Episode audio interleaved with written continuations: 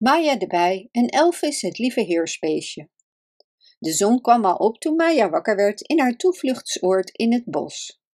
Het maanlicht, de krekel, de midzomernacht, de boself en de jongen en het meisje in het prieel leken een heerlijke droom.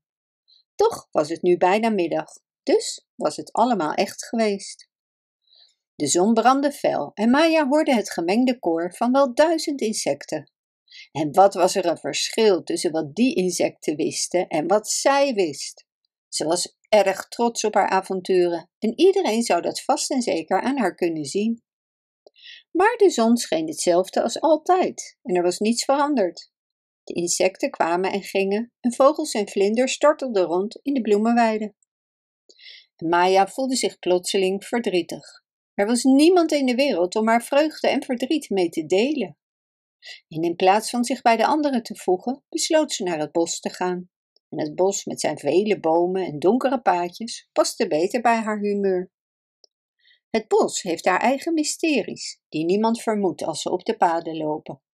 Je moet daarvoor de takken van het kreupelhout opzij buigen en tussen de struiken door over het dikke mos gluren.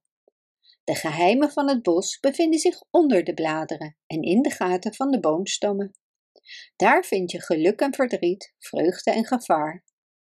Maya begreep hier nog maar weinig van toen ze tussen de bomen doorvloog. Het ene moment vloog ze in de schaduw en het andere moment in de glans van de zon die helder scheen op de varens en bramen. Na een tijdje vloog ze de bossen uit en verscheen er een groot graanveld dat in het zonlicht baadde. Ze ging op een tak van een berkboom zitten aan de rand van het veld en staarde ademloos naar de zee van goud. Het graan golfde zachtjes heen en weer in de wind. Onder de berkenboom speelden een paar kleine bruine vlinders met wat blaadjes. Maya keek een tijdje naar hen. Dat moet echt leuk zijn, dacht ze. De kinderen in de bijkorf zouden ook zo kunnen spelen. Maar Cassandra zou het niet toestaan. Ze is altijd zo streng. En nu ze aan thuis dacht, voelde Maya zich weer verdrietig. En ze stond op het punt erg heimwee te krijgen, toen ze iemand naast haar hoorde zeggen: Goedemorgen, jij bent echt een gevaarlijk beest, lijkt me. Maya draaide zich geschrokken om. Nee hoor, zei ze, ik heb besloten om geen gevaarlijk beest te zijn. Op haar blad zat een kleine halve bol in een roodbruine kleur, met zeven zwarte stippen en een piepklein hoofdje met heldere ogen. Maya zag dat het wezentje dunne beentjes had, die zo fijn waren als draden. En ondanks zijn vreemde voorkomen vond Maya hem meteen aardig. Mag ik vragen wie jij bent? Ikzelf ben Maya, van het volk van de bijen. Bedoel je me te beledigen? Je hebt daar geen reden toe, zei het schepsel. Maar waarom beledig ik je? Ik weet helemaal niet wie je bent, riep Maya overstuur. Het is gemakkelijk om te zeggen dat je me niet kent. Nou, ik zal je geheugen eens opfrissen. En het kleine ding begon langzaam rond te draaien. Bedoel je dat ik je stippen moet tellen? Ja, als je wilt. Zeven stippen, zei Maya. Nou, weet je het nu nog niet? Onze familienaam is Septum Punta. En dit betekent in het Latijn zeven punten. Maar wij staan beter bekend onder de familienaam Lieve Heerspeesjes. Mijn naam is Elvis en ik ben dichter van beroep.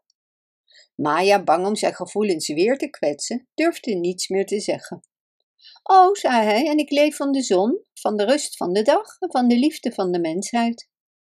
Maar eet jij dan niets? vroeg Maya verbaasd. Natuurlijk, ik eet plantluizen. Jij niet?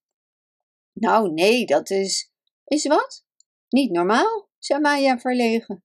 Tja, natuurlijk, riep Elvis.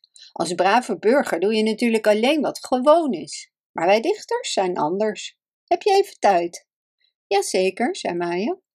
Dan zal ik je een gedicht laten horen. Zit stil en sluit je ogen, zodat niets je aandacht afleidt.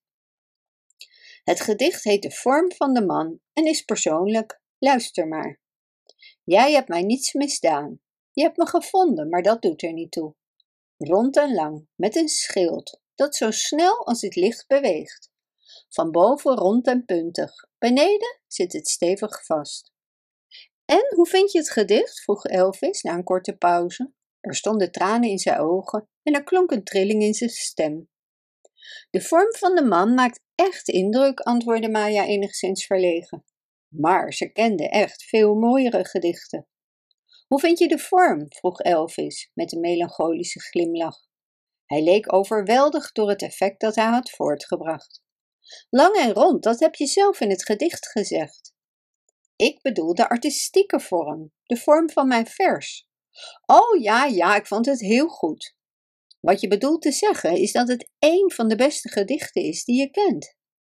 De eerste vereiste in kunst is dat het iets nieuws moet bevatten. Denk je dat ook? Zeker, zeker, zei Maya. Ik denk, jouw geloof en vertrouwen in mij overweldigen me. Maar ik moet nu gaan, want eenzaamheid is de trots van de dichter. Vaarwel.